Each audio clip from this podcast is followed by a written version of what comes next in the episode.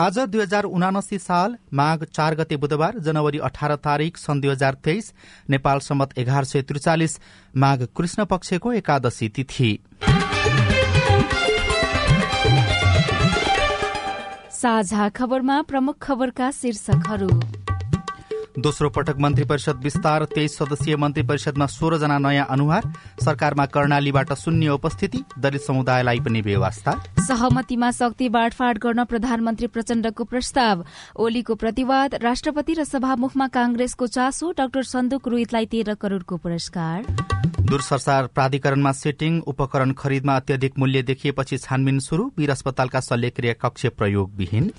All शबाबको आक्रमणमा परि सोमालियामा सात सैनिकको मृत्यु। भारत बंगलादेश अन्तर्राष्ट्रिय पाइपलाइन अर्को महिनाबाट सञ्चालनमा आउने। नाइजेरियामा एक करोड़ नयाँ मतदाता थपिए। र प्रधानमन्त्री कप महिला राष्ट्रिय क्रिकेट टी ट्वेन्टी क्रिकेटमा कर्णालीलाई हराउँदै प्रदेश एक सेमी फाइनलमा प्रवेश।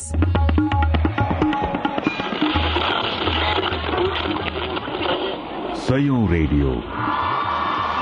हजारौं रेडियो कर्मी र करोड़ौं नेपालीको माझमा यो हो सामुदायिक सूचना नेटवर्क सीआईएन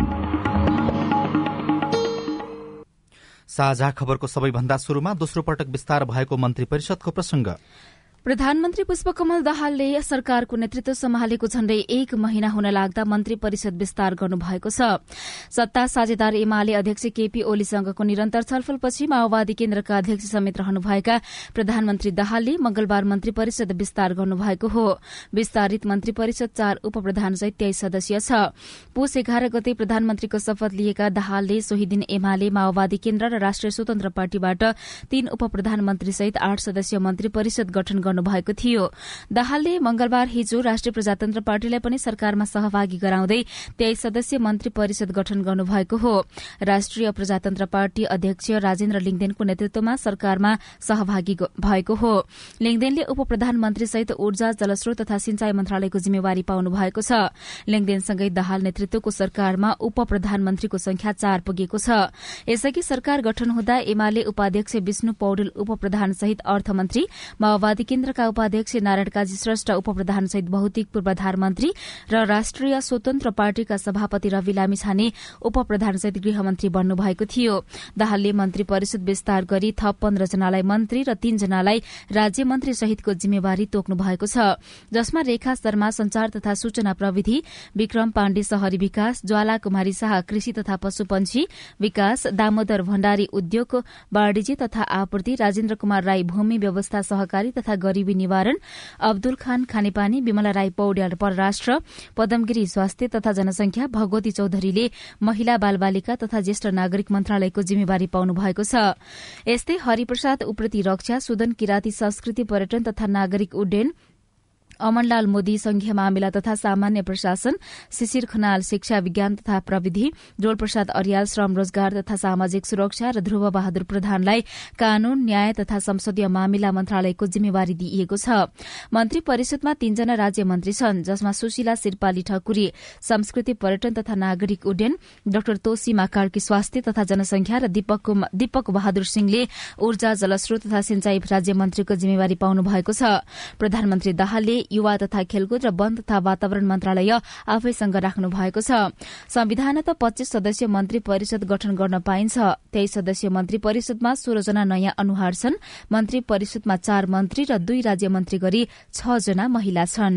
नवनियुक्त मन्त्रीहरूले मंगलबार पदभार सम्हाल्दै विभिन्न निर्णय पनि गरेका छन्। नवनियुक्त उपप्रधान तथा ऊर्जा जलस्रोत तथा सिंचाई मन्त्री राजेन्द्र प्रसाद लिङदेलले पाँच वर्ष रणनीतिक योजना बनाउने निर्णय गर्नुभएको छ। रणनीतिक योजना सहसचिवको संयोजकत्वमा तीन सदस्यीय कार्यदल बनाउने उहाँको पहिलो निर्णय छ। त्यस्तै संचारको पहुँच सुनिश्चित गराउने संचार मन्त्रीको निर्णय छ भने नयाँ शिक्षा ऐनलाई प्राथमिकता दिने शिक्षा मन्त्री खनालको प्रतिबद्धता रहेको छ। पर्यटन मन्त्री किरातीको प्राथमिकतामा निजगढ़ विमानस्थल देखिएको छ। त्यस्तै आधा घण्टाको दूरीमा झोलुङ्गे पुल बनाउने शहरी विकास मन्त्रीको पहिलो निर्णय रहेको छ। कृषि मन्त्री शाह सामु चुनौतीका पहाड़ देखिएका छन्। सेनालाई विकास फोर्स बनाउनु पर्नेमा रक्षा मन्त्री उप्रेतीले जोड़ दिनुभएको छ। वाणिज्य नीति संशोधन गर्ने मन्त्री भण्डारीको निर्णय रहेको छ। उद्योग वाणिज्य तथा आपूर्ति मन्त्री दामोदर भण्डारीले भने वाणिज्य नीतिलाई पुनरावलोकन गर्ने सम्बन्धी पहिलो निर्णय गर्नुभएको छ। बाध्यकारी वैदेशिक रोजगारी अन्त्य गर्ने श्रम मन्त्रीको प्रतिबद्धता देखिएको छ भने राष्ट्रिय ज्येष्ठ नागरिक नीतिको प्रारम्भिक मसौदालाई अन्तिम रूप दिने महिला बालबालिका तथा ज्येष्ठ नागरिक मन्त्री भगवती चौधरीले बताउनु भएको छ। यसपटक शहरी विकासमा ठेकेदार र श्रममा मेन पावर एजेन्टलाई मन्त्री बनाइएको भन्दै विरोध पनि भइरहेको छ। नेतालाई चोरकै रूपमा चिनिन्छन् भन्ने राजेन्द्र प्रसाद लिङदेनले विकास परियोजना अलपत्र पार्ने ठेकेदार विक्रम पाण्डेलाई शहरी विकास मन्त्रालयको जिम्मेवारी दिएको भन्दै आलोचना पनि भइरहेको छ। मन्त्रालयमा चालू आर्थिक वर्षका लागि बत्तीस अर्ब सात करोड़ रूपियाँ बजेट पनि छुट्याइएको छ। नयाँ राजनीतिको अभ्यास गर्ने बाचा गरेर चुनाव जितेको राष्ट्रिय स्वतन्त्र पार्टीले कमिटिमा खुलस्त छलफल गर्नुको सट्टा मन्त्री रोज्ने जिम्मेवारी सभापति रवि लामी छानेलाई दिएको थियो। म्यान पावर एजेन्सीहरूलाई नियमन गर्दै श्रमिकको हकितका लागि काम गर्नुपर्ने मन्त्रालयको नेतृत्व म्यान पावर एजेन्टलाई दिने निर्णय पार्टी सभापति रवि लामी छानेले गरेको भन्दै पार्टी भित्रै पनि विरोध भइरहेको छ। स्वतन्त्र पार्टीको प्रतिनिधित्व गर्दै श्रम मन्त्रालयको जिम्मेवारी पाउनुभएका अरियाल सृष्टि ओभरसिज इम्प्लोमेन्ट सर्भिसका बजार निर्देशक हुनुहुन्छ। विडम्बना र व्यतिथिको राजनीति बदल्ने कसम खाएका नयाँ दलका नेताहरूले पनि पुरानै विधिशास्त्र अनुसारको मन्त्री रोजेको भन्दै चर्को आलोचना र विरोध पनि भइरहेको छ। राष्ट्रपति उपराष्ट्रपति सभामुख र उपसभामुख पदमा कांग्रेस सहितका दलबीच साझेदारी गर्ने प्रधानमन्त्री पुष्पकमल दहालको प्रस्तावको एमाले अध्यक्ष केपी शर्मा ओलीले प्रतिवाद गर्नुभएको छ। प्रमुख मुद्दामा राष्ट्रिय सहमति जुटाउन हिजो बोलाइएको सर्वदलीय बैठकमा प्रधानमन्त्री दाहालले राखेको प्रस्तावमा ओलीले प्रतिवाद गर्दै सत्ता साझेदार दलबीच भएको सहमति उल्लंघन नहुने बताउनु भएको छ। चारै पदमा पुस दश गते नै सहमति भइसकेको ओलीको दावी थियो। राष्ट्रपति र सभामुख दुवै पद पाउने समझदारीका आधारमा दाहाललाई प्रधानमन्त्रीमा समर्थन गरिएको उहाँले तर्क गर्नुभएको छ। ओलीले चारै पदमा भागवण्डा भइसकेको जनाए पनि उपराष्ट्रपति सत्ता घटक दलबीच कसले पाउने भन्ने टुङ्गो लागेको छैन। ओली नेतृत्वको उच्च स्तरीय राजनीतिक संयन्त्रको सोमबारको बैठकले उपराष्ट्रपति बाँकी राखेर उपसभामुख राष्ट्रिय स्वतन्त्र पार्टीलाई दिने समझदारी भएको नेताहरूको दावी छ। कांग्रेसले निष्पक्ष र स्वतन्त्र भूमिका निर्वाह गर्नुपर्ने शक्तिका यी चार पदलाई साझा मानेर राष्ट्रिय सहमतिका साथ अघि बढ़न सत्तारूढ़ दललाई आग्रह गरेपछि एमाले अध्यक्ष ओलीले कांग्रेसलाई गलत नियत नराख्न चेतावनी दिनुभएको थियो। यसअघि पुष छब्बीसमा सरकारलाई विश्वासको मत दिने निर्णय गर्दा ओलीले संसदबाटै गलत नियत राखेर ढोक्सा नराख्न आग्रह गर्नुभएको थियो। सर्वदलीय बैठकमै प्रधानमन्त्री दाहालले चारवटा पदमा राष्ट्रिय सहमतिको प्रस्ताव खुल्ला गरेपछि ओली दहालसहित सशंकित हुनुभएको छ भने कांग्रेस चिडिएको छ। बैठकपछि पत्रकारहरूसँग कुराकानी गर्दै संचार तथा सूचना प्रविधि मन्त्री रेखा शर्माले राष्ट्रिय सहमति हुन सक्ने विषयमा प्रधानमन्त्री प्रचण्डले खुला धारणा राखिएको बताउनुभयो। जस्तो राष्ट्रियताका इस्युहरू हुन्छन् सीमाका इस्युहरू हुन्छन् अरू पनि थुप्रै इस्युहरू पनि हुन्छन् तटस्थताका संवैधानिक पदहरूका इस्युहरू पनि हुने कुराहरू भयो होइन। ती सबै विषयहरूमा छलफल सहकार्य गरेर सकेसम्म सहमतिको आधारमा अगाडि बढ्नुपर्छ। अब यो अहिले सामान्य प्रधानमन्त्रीज्यूकै समय यस्तो समय रह्यो कि जसले एउटा संसदबाट असाधारण बहुमत प्राप्त गर्यो होइन। त्यसका निम्ति त उहाँले अब सबैलाई थ्याङ्क भन्नुपर्ने त उहाँको दायित्व र कर्तव्य पनि भयो र त्यही भन्नको निम्ति विशेष त त्यही थियो। सर्वदलीय बैठकमा कांग्रेसले राष्ट्रिय सहमतिका लागि ठोस प्रस्ताव प्रस्तुत गर्न प्रधानमन्त्रीलाई आग्रह गरेको थियो। प्रधानमन्त्रीले शुरूआती धारणा राख्न साथ कांग्रेसका तर्फबाट नेता रामचन्द्र पौडेलले राजनैतिक स्थिरता विकास र राष्ट्रिय समस्या समाधानका निम्ति ठोस धारणा अघि सार्न आग्रह गर्नुभएको थियो। पौडेलले संकेत गरेको ठोस आधारको संकेत राष्ट्रपतिमै थियो। माओवादीले सभामुखमा एमाले उम्मेद्वारलाई सहयोग गर्ने करिब पक्का पक्की भइसकेपछि कांग्रेसले अब राष्ट्रपतिका लागि सम्पूर्ण शक्ति र ध्यान खिच्ने जनाएको छ। नेता पौडेलको भनाइपछि एमाले अध्यक्ष केपी शर्मा ओली आफ्नो धारणा राखेर अरूका कुरा नसुनिकनै बाहिरिनु भएको थियो। बैठकमा एमालेका तर्फबाट महासचिव ईश्वर पोखरेल र वरिष्ठ उपाध्यक्ष यसलाई फेरि सुन्नुहोला बैठकमा एमालेका तर्फबाट महासचिव शंकर पोखरेल र वरिष्ठ उपाध्यक्ष ईश्वर पोखरेल सहभागी हुनुहुन्थ्यो। ओलीले शुरूआतमै कांग्रेसलाई कानून व्यवहार र राजनैतिक रूपमा प्रमुख प्रतिपक्षको हैसियत नभएको भन्दै सत्ता घटक दलहरूको बीचमा फाटो ल्याउने कोशिश नगर्न आग्रह गर्नुभएको थियो। बैठकपछि संचारकर्मीहरूसँग कुराकानी गर्दै कांग्रेसका नेता रमेश लेखकले कांग्रेस प्रतिनिधि सभाको प्रतिपक्ष दल भए पनि राष्ट्रपति र उपराष्ट्रपति निर्वाचनको विषयमा चासो रहेको जानकारी गराएको बताउनुभयो। राष्ट्रपति उपराष्ट्रपति सभामुख र उपसभामुख। संविधानको पालना गर्नुपर्ने संरक्षण गर्नुपर्ने र तथस्थताको भूमिका निर्वाह गर्नुपर्ने र सबै राजनैतिक दलको र सबै नेपाली जनताको संस्था अथवा नेता भएर बस्नुपर्ने पदहरू भएको हुनाले हामी प्रमुख प्रतिपक्षी दलमा भएर पनि हामी यसका बारेमा छलफल गर्न तयार छौँ। यदि प्रधानमन्त्रीजीले छलफल गर्नु अगाडि बढाउनु भयो भने हामी तयार छौँ भनेर हामीले भनेका छौँ र उहाँले चाहिँ त यी पदहरूमा छलफल गरेर सहमतिमा जान सकिन्छ कि भनेर पनि भन्नुभएको छ। मूलत यिनै कुराहरू भएका छन्। प्रमुख प्रतिपक्षी नेपाली कांग्रेसले बिहिबार हुने सभामुखको निर्वाचनमा उम्मेद्वारी दिने तयारी गरेको छ। उम्मेद्वारी र उम्मेद्वारको विषयमा टुङ्गो लगाउन बुधबार बिहान सभापति शेरबहादुर देउवा निवासमा पदाधिकारी बैठक बस्ने तयारी भएको हो। पदाधिकारी बैठकपछि कांग्रेसले विपक्षमा बसेका अन्य दलसँग छलफल गरेर टुङ्गोमा पुग्ने एक नेताले जानकारी दिनुभएको छ। यसैबीच एमाले अध्यक्ष केपी शर्मा ओलीले आफ्ना विश्वास पात्र र सहयोगी देवराज घिमिरेलाई प्रतिनिधि सभाको सभामुख बनाउने तयारी गर्नुभएको छ। पाँचौं महाधिवेशनबाट केन्द्रीय सदस्य हुनुभएका घिमिरे राष्ट्रिय सभा सदस्य पनि भइसक्नु भएको छ। हाल स्थायी कमिटी सदस्य घिमिरे पार्टी अध्यक्ष ओलीसँग निरन्तर निकटमा रहने पुरानो नेतामा पर्नुहुन्छ।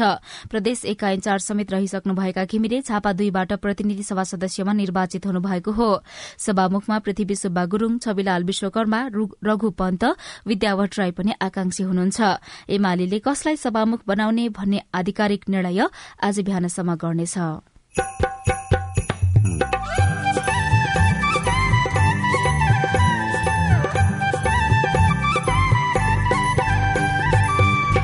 सामुदायिक सूचना नेटवर्क सीआईएन मार्फत देशभरि प्रसारण भइरहेको साझा खबरमा कृषिमा स्थानीय सरकारको प्राथमिकता र लगानी थोरै।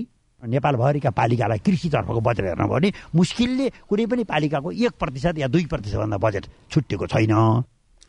डाक्टर सन्दुक रोहितलाई तेह्र करोड़को पुरस्कार दूरसञ्चार प्राधिकरणमा सेटिङ उपकरण खरिदमा अत्यधिक मूल्य देखिएपछि छानबिन शुरू लगायतका खबर बाँकी नै छन्। सीआईएनको साझा खबर सुन्दै गर्नुहोला।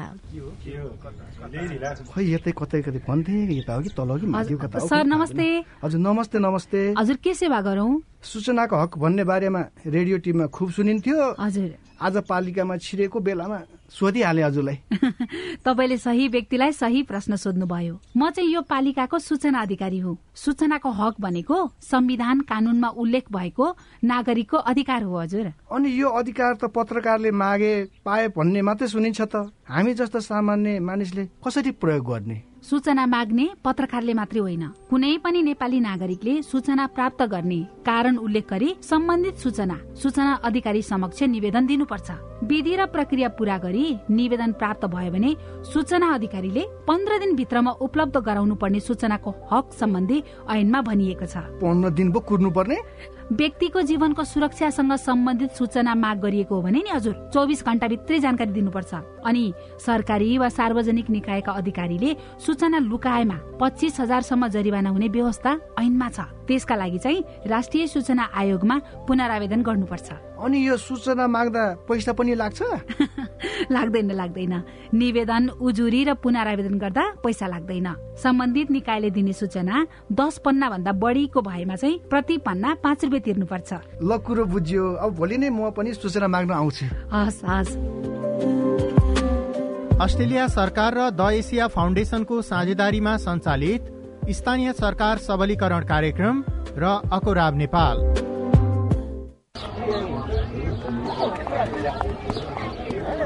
सबैलाई नमस्कार। अध्यक्ष उपाध्यक्ष सदस्य सबै पो आउनुभएछ त।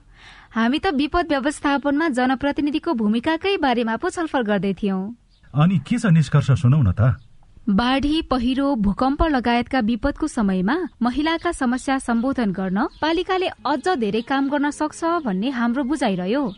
विपद सम्बन्धी स्थानीय नीति कानून मापदण्ड बनाउने र कार्यान्वयन अनुगमन नियमनको अधिकार स्थानीय सरकारलाई छ।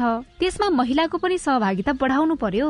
पालिकाको अध्यक्ष मै छु। पाएको अधिकार अनुसार हामी बनेको कानून कार्यान्वयन गर्ने अनि आवश्यक कानून बनाउने चरणमै छौ। अब तपाईँका सुझाव पनि समेटिन्छन् है। विपदको तयारी र प्रतिकार्यका लागि पालिकामा रहेको संयन्त्र र योजना अनि नीतिहरू महिला बालबालिका अपाङ्गता भएका यौनिक अल्पसंख्यक समुदायका व्यक्तिको आवश्यकतामा आधारित हुनु पर्यो अध्यक्षज्यू।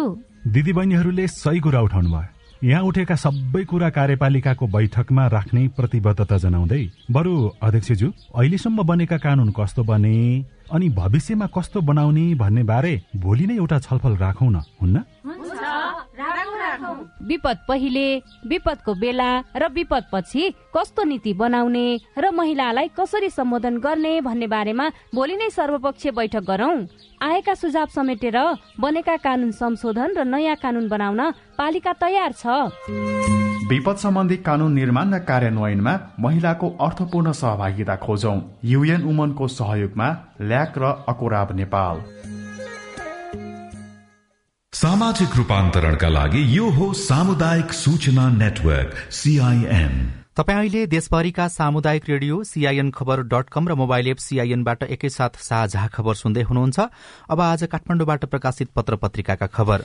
कान्तिपुर दैनिकको पहिलो पृष्ठमा दूरसञ्चार प्राधिकरणमा सेटिङ एक अर्ब पन्ध्र करोड़का उपकरण एउटै ल्यापटपको पैंसठी लाख शीर्षकमा मातृका दाहाल र कृष्णाचार्यले खबर लेख्नु भएको छ। नेपाल दूरसञ्चार प्राधिकरणको traffic monitoring and fraud control system परियोजनाका लागि उपकरण खरिदमा अत्यधिक बढ़ी मूल्य देखिएपछि छानबिन शुरू भएको छ। भन्सार विभाग र अख्तियार दुरूपयोग अनुसन्धान आयोगले त्रिभुवन अन्तर्राष्ट्रिय विमानस्थलको गोदाम सील गरी दूरसञ्चार सम्बन्धी सर्भर ल्यापटप र मोबाइलमा छानबिन अघि बढ़ाएका हुन्। बिचौलिया र स्वार्थ समूहको सेटिङमा करिब एक अर्ब पन्ध्र करोड़ रूपियाँमा ती सामग्री खरिद गरेको आशंका गरिएको छ। प्राधिकरणले traffic monitoring and fraud control system जडानका लागि उपकरण खरिद गर्न साइप्रसको सेल कम्पनी भेनराइज सोल्युशन्सलाई जिम्मा दिएको थियो जस अनुसार एक सय नौ थान सर्भर दुईवटा ल्यापटप र आठवटा मोबाइल सेट लेबनान हुँदै भदौ एक्काइसमा ल्याइएका हुन्। यी सामानको खरिद मूल्य अठासी लाख बाह्र हजार आठ सय छयासी अमेरिकी डलर। मंगलबारको विनिमय दर अनुसार एक अर्ब चौध करोड़ बयासी लाख तीस हजार नौ सय सोह्र रूपियाँ देखाइएको छ। ल्यापटपको मूल्य मात्रै प्रतिथान पचास हजार अमेरिकी डलर हालको विनिमय दर अनुसार पैंसठी लाख चौध हजार पाँच सय रूपियाँ देखाइएको छ। त्यस्तै सर्भर भनिएको उपकरणको मूल्य प्रतिथान उनासी हजार नौ सय बीस अमेरिकी डलर हालको विनिमय दर अनुसार एक करोड़ चार लाख बाह्र हजार सात सय त्रियासी रूपियाँ उल्लेख छ। प्राधिकरणले ल्याएका सामानको मूल्य अत्यधिक रूपमा बढ़ी देखाइएकाले अनुसन्धान गर्नुपरेको जाँचपास भन्सार विभागका महानिर्देशक चक्रबहादुर बुढाले जानकारी दिनुभयो। सोही पृष्ठमा डाक्टर रोहितलाई तेह्र करोड़को पुरस्कार शीर्षकमा तुफान नेउपानेले मनमा बहराइनबाट खबर लेख्नु भएको छ। वरिष्ठ नेत्र चिकित्सक सन्दुक रोहितले प्रतिष्ठित ईसा अवार्ड प्राप्त गर्नुभएको छ। बहराइनका पूर्व राजा Sheikh Isa bin Salman al खालिफाका नाममा स्थापित अवार्डबाट यस वर्ष डाक्टर रोहितलाई पुरस्कृत गर्ने घोषणा गरिएको हो। बहराइनका राजा Sheikh Ahmad bin Isa al Khalifa honorary president रहेको Isa award for service to humanity संस्थाले सन् दुई हजार तेह्रदेखि हरेक दुई वर्षमा मानव कल्याणको क्षेत्रमा क्रियाशील व्यक्ति संस्थालाई प्रदान गर्दै आएको छ। कान्तिपुर दैनिकमै रेस्टुरेन्टमा मेनुको मूल्यको नियमन कसैले गरेनन् भनेर राजु चौधरीले खबर लेख्नु भएको छ। होटल तथा रेस्टुरेन्टले मेनु मूल्यमाथि चर्को शुल्क लगाएर सर्वसाधारण ठगिरहेका छन्। मेनु प्राइस बाहेक अन्य शुल्कलाई ऐनले रोके पनि धेरै जसोले सेवा शुल्क र भ्याटका नाममा रकम असुलिरहेका छन्। मेनु मूल्यको नियमन गर्ने निकाय नभएका होइनन्। मूल्यकी अनुगमन गर्न साढे आठ सय भन्दा बढ़ी निकाय छन् तर ती निकाय मौन बसिदिँदा प्रतिदिन उपभोक्ता भने ठगिएको ठगिए छन्। मापदण्ड बनाएर वस्तुको मूल्य नतोक्दा सर्वसाधारण ठगिएको जानकारी जानकारहरू बताउँछन् तर तत्काल अनुगमन र केहीलाई जरिवाना गरे पनि मूल्य नियन्त्रण हुने उपभोक्ता अधिकार कर्मीहरूले दावी गरेका छन्।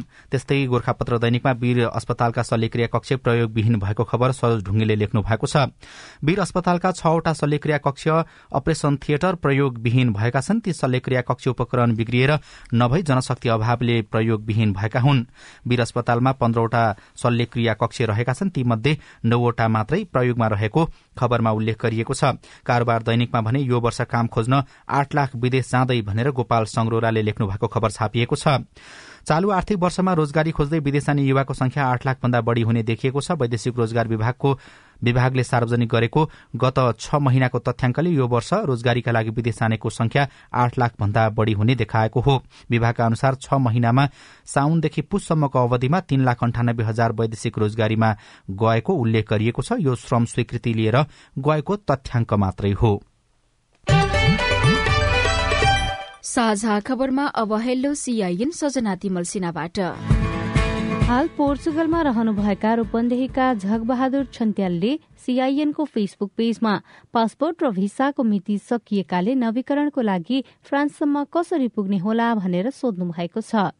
यसबारेमा फ्रान्सका लागि नेपाली राजदूत दीपक अधिकारीले सीआईएनसँग कुरा गर्दै राहदानी र भिसा नहुँदा विमानबाट यात्रा गर्न नसकिने तर स्थल मार्गबाट पेरिस जानको लागि पोर्चुगिज अधिकारीबाट अस्थायी बसोबासको अनुमति पाएको कागज पत्र लिएर जान सकिने बताउनुभयो। तर त्यसमा पनि समस्या पर्न सक्ने भएकाले राहदानी नभएकाहरूलाई के गर्न सकिन्छ भनेर छलफल भइरहेको र छिट्टै समस्या समाधान गर्ने भएकाले धैर्य गर्न उहाँले अनुरोध गर्नु भएको छ। नमस्कार म जयसिंह धामी डडेलधुराबाट म प्रावि तहको स्थायी शिक्षक हो। अनि मेरो अहिले म तिन ग्रेड खान्छु म अहिले निमावीमा पनि म्याथमा नाम निकालेको छु। अनि अब अहिले मैले निमावी पोस्टिङ हुँदा मेरो पुरानो ग्रेड जोडिन्छ कि जोडिँदैन र स्थायी नियुक्ति मिति पहिलेको हुन्छ कि अहिलेको हुन्छ यसको जानकारी।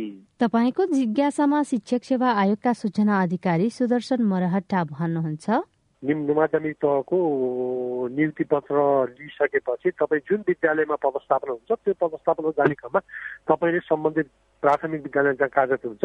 त्यहाँबाट तपाईँले रमाना लिएर जानुहोस्। रमाना लिएर गइसकेपछिको अवस्थामा तपाईँको सेवा निरन्तरता हुनुको अतिरिक्त तपाईँले खाइताई आएको तलब पनि घट्दैन र तपाईँलाई एक ग्रेड यदि खाइताएको यता निमाविको सुरुको तलब स्केल भन्दा चाहिँ नि प्राविको बढी भयो भने तपाईँलाई एक ग्रेड थपेर चाहिँ हाम्रो चाहिँ समन्वय इकाइहरूले तपाईँलाई चाहिँ दिन्छ। त्यस कारण तपाईँ रमाना लिएर चाहिँ निर्धक्क साथ जानुहोस् र तपाईँको सेवा निरन्तरता हुन्छ म वीरेन्द्र दत्त जोशी बैतडी जिल्ला दोगडा गेदार गाउँपालिका मेरो नागरिकतामा मेरो नाम वीरेन्द्र दत्त जोशी छ अनि मेरो श्रीमतीको नागरिकतामा वीरेन्द्र राज जोशी छ योलाई के गर्नु पर्ला जवाफ दिँदै हुनुहुन्छ बैतडीका प्रमुख जिल्ला अधिकारी सुरेश पन्थी उहाँको शैक्षिक योग्यताको प्रमाणपत्र नागरिकताको प्रमाणपत्र बिहा दर्ता जुन उहाँले बिहा दर्ता गर्नु भएको हुन्छ यी सम्पूर्ण कागजात र वडाको सिफारिस सहित जिल्ला प्रशासन कार्यालयमा सम्पर्क गर्नुभयो भने त्यसलाई कागजात प्रमाण हेरेर हामीले चाहिँ संरक्षण गर्न सक्छौँ तपाईँ जुनसुकै बेला हाम्रो टेलिफोन नम्बर शून्य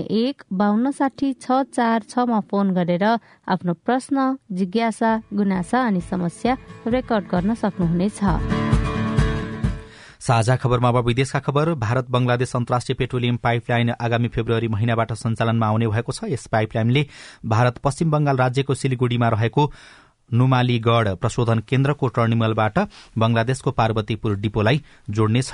सोमालियाको सैन्य शिविरमा अल सबाबले गरेको आक्रमणमा सात सैनिकको मृत्यु भएको छ। गत वर्ष अल सबाबबाट फिर्ता लिएकै शिविरमा लडाकुहरूले आक्रमण गर्दा बेस कमाण्डर सहित सात सैनिकको मृत्यु भएको हो। र नाइजेरियामा फेब्रुअरीमा हुने राष्ट्रपति निर्वाचनका लागि झण्डै एक करोड़ नयाँ मतदाता दर्ता भएका छन्। फेब्रुअरी पच्चीसमा हुने मतदानका लागि दर्ता भएका मतदाता मध्ये चौरासी प्रतिशत चौतिस वर्ष मुनिका रहेका छनृ। साझा खबरमा अब खेल खबर। पाँचौं संस्करणको बागमती गोल्ड कप राष्ट्रिय फुटबल प्रतियोगिता दुई हजार उनासीको उपाधि विदेशी क्लब भुट्ने जित स्पोर्ट्सले जितेको छ। मकवानपुरमा आयोजना भएको प्रतियोगितामा संकटा क्लबलाई ट्राइबेकरमा आठ सात गोल अन्तरले पराजित गर्दै अमेरिकन क्लब च्याम्पियन भएको हो। र प्रदेश नम्बर एक डहरीमा चलिरहेको प्रधानमन्त्री कप महिला राष्ट्रिय टी ट्वेन्टी क्रिकेट प्रतियोगिताको सेमी फाइनलमा प्रवेश गरेको छ। हिजो कर्णाली प्रदेशलाई दश विकेटले हराउँदै प्रदेश एकले लगातार तेस्रो जितका साथ प्रदेश एकले सेमी फाइनलमा स्थान बनाए। बनाएको हो। यस्तै सुदूरपश्चिम प्रदेशले इटलीमा जारी प्रधानमन्त्री कप महिला राष्ट्रिय टी ट्वेन्टी क्रिकेट प्रतियोगितामा लगातार तेस्रो जित निकाल्दै समूह विजेताको रूपमा सेमी फाइनलमा स्थान बनाएको छ। साबिक विजेता आइपीएफ क्लबलाई चार विकेट हराउँदै सुदूरपश्चिम समूह विजेता बन्दै अन्तिम चारमा पुगेको हो। बयानब्बे रनको लक्ष्य सुदूरपश्चिमले उन्नाइस ओभर दुई बलमा छ विकेट गुमाएर बयानब्बे रन जोड्दै पूरा गरेको थियो। कृषि क्षेत्रमा स्थानीय सरकारको बजेट किन थोरै? रेडियो कुराकानी अरू खबर र कार्टुन पनि बाँकी नै छ। सीआईएनको साझा खबर सुन्दै गर्नुहोला। बाल विवाह विरूद्ध धर्मगुरूहरूको प्रतिबद्धता। वैदिक साहित्यमा बाल विवाह छैन। बाल विवाह हाम्रो मण्डली अन्तर्गत भएको छैन। हाम्रोमा बाल विवाह हुँदैन। यो मुद्दुमले भनेको कुरा हो र हाम्रो व्यवहारमा त्यस्तो नै छ।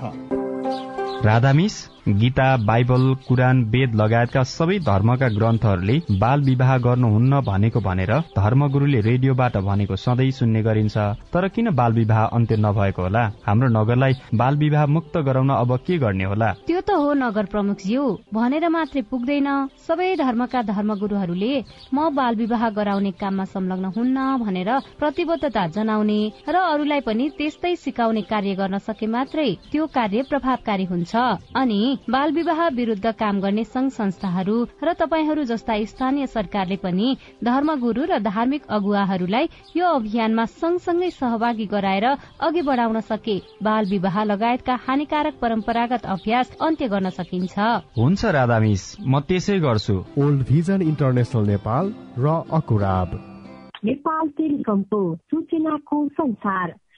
होइन के सुनेको यस्तो ध्यान दिएर दोहोरो बोलेको जस्तो नि देख्दिन। तिन दुई एक शून्य शून्य क्या? तिन दुई एक शून्य शून्य? के हो त्यो भने? बुझिन त। ल सुन एनटिसी प्रयोगकर्ताहरूले आफ्नो मोबाइल तथा ल्यान्डलाइनमा तिन दुई एक शून्य शून्य डायल गरी समाचार रेडियो कार्यक्रम खेल र अन्य विषय बारे सन्देशहरू जुनसुकै बेला निशुल्क सुन्न सक्छन्। ओहो निशुल्क? कस्तो सजिलो। समाचार सुन्न छुट्यो भनेर पिर लागेको थियो। अब त म पनि सुनिहाल्छु। कति रे? तिन दुई एक शून्य शून्य। सामाजिक रूपान्तरणका लागि यो हो सामुदायिक सूचना नेटवर्क सीआईएन साझा खबरमा अब समृद्धिका लागि स्थानीय सरकारको भूमिका। पहिलो कार्यकाल पूरा गरेका स्थानीय सरकारमा दोस्रो कार्यकालका लागि जनप्रतिनिधि आएको पनि छ महिना पूरा भइसकेको छ। विकास निर्माण बाहेक समृद्धिका लागि जनप्रतिनिधिको भूमिका कस्तो हुन्छ? हामीले पूर्व सचिव कृष्ण हरि बास्कोटासँग कुराकानी गरेका छौं। वास्तवमा सात सय त्रिपन्न पालिकाका प्रमुखहरूले नचाहेकै हुन्। उनले बुझेको सडकै हो। कृषि उत्पादनलाई बजारसम्म पुर्याउनु पर्छ भन्न अथवा पुर्याउनु हुँदैन भन्नेमा नि उनीहरू निश्चित भएका हुन् त। त्यसरी नभने पनि कृषिलाई प्राथमिकता दिएका छैनन्। उनले प्राथमिकता केमा दिए? लोडर किन्न डोजर किन्न स्क्याभेटर किन्न सडक बनाउन ठुल्ठुला भवन बनाउन आवासहरू बनाउन उनले चाहिँ खानेपानी गर्न सिँचाइका कुलाहरू खन्न यसरी जमिनमाथि माटोमा लगानी गर्न नेपालभरिका मेयर र अध्यक्षहरू च्याम्पियन छन्। मान्छेलाई चाहिँ अरब जानबाट रोक्ने च्याम्पियन मैले अध्यक्ष धेरै देखाएको छैन के अपवाद मात्रै हो। कृषिलाई म्यासिभ रूपमा लाने। हामीले त के भनेको थियो भने कुल हाम्रो लगानीको करिब बिस प्रतिशत त कृषिमा लगानी गर्नुपर्छ बजेटको।